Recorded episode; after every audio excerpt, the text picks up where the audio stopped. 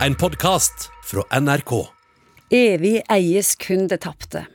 Mange sjeler i kongeriket Norge og i resten av verden for så vidt går rundt og tenker og kjenner på han eller hun de aldri fikk.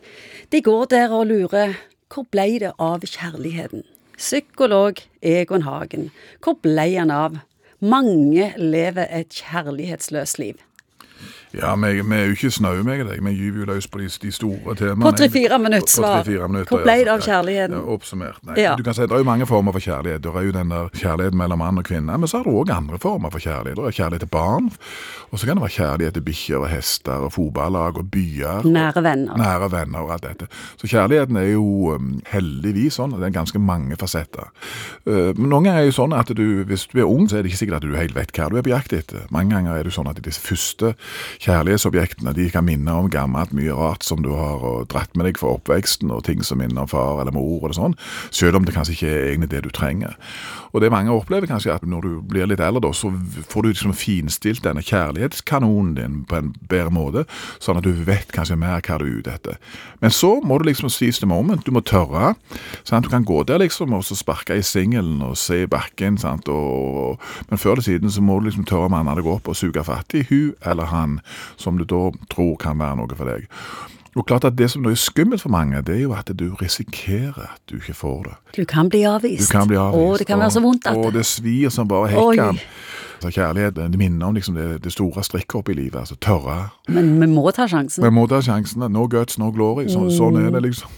Tror du, tror du mange er alene fordi de har sett seg ut en person som aldri fikk, og så ble det med det? Ja, Det kan jo være en sånn at jeg har jo snakket med mange studenter når jeg jobbet med de, som da var 19 år gammel, og så ble det slutt med kjæresten, og så tenker de at aldri mer, Egon, jeg kommer aldri, kjærligheten er ikke noe for meg. Så sier jeg, vet du hva, sier jeg, bare gi det litt tid. Der er ei på, på, på rundt eh, noen gatehjørner der framme en eller annen plass. Hun er kanskje på vei i, i din retning. Og så er det jo selvfølgelig noen som er sånn som du sier, at de, de kom aldri over. Altså sånn, eh, sånn Victoria-kjærlighet. Altså, du, du, du ble aldri noen andre. Eh, Så tror jeg òg at det er mange der ute som gifter med en trøstepremie. det, kan, det kan godt De være. fikk aldri den, Nei, de- altså, men så, så ja ja, Ja, så, så- slår det seg til ro med noen. Det, det er ikke et fint ord, men det, det er det sånn at selv om du da tenker at i utgangspunktet så fant du en trøstepremie, så kan det godt være faktisk at den trøstepremien kommer du mye bedre ut med enn denne voldsomme greia som du Det er som laksefiske, vet du. Du glemmer alle den største laksen Ja. som mista, og den største hjorten som forsvant over, over, over haugene der, den glemmer du heller aldri. Og sånn er det også kanskje i forhold til Vi blir besatt av det vi ikke kan få. Eller det som hun som glapp, altså. Denne, de der sangene, altså. Hun du aldri glemmer. Om, om, en, om en av grunnene til at mange ikke har kjærligheten i livet sitt, kan være at vi lar oss forføre av den der perfekte filmromantikken, og at virkeligheten bare aldri er i nærheten av det. Noen ganger er det liksom full bravur og basuner og øh, høyt trykk i turboen. Andre ganger så er det jo på en måte liksom stillongs og ullsokker og sitte og se på Netflix. Altså, så kjærligheten har jo liksom mange, mange fasetter.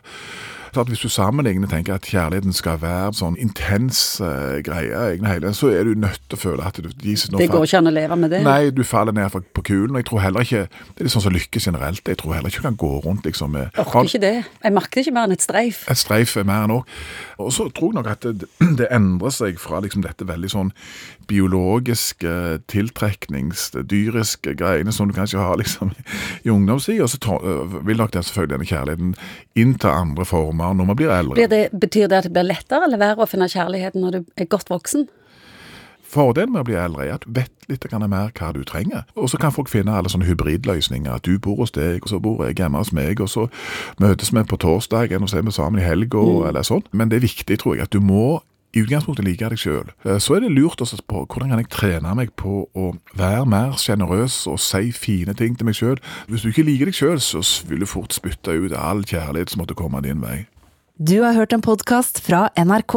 Hør flere podkaster og din NRK-kanal i appen NRK Radio.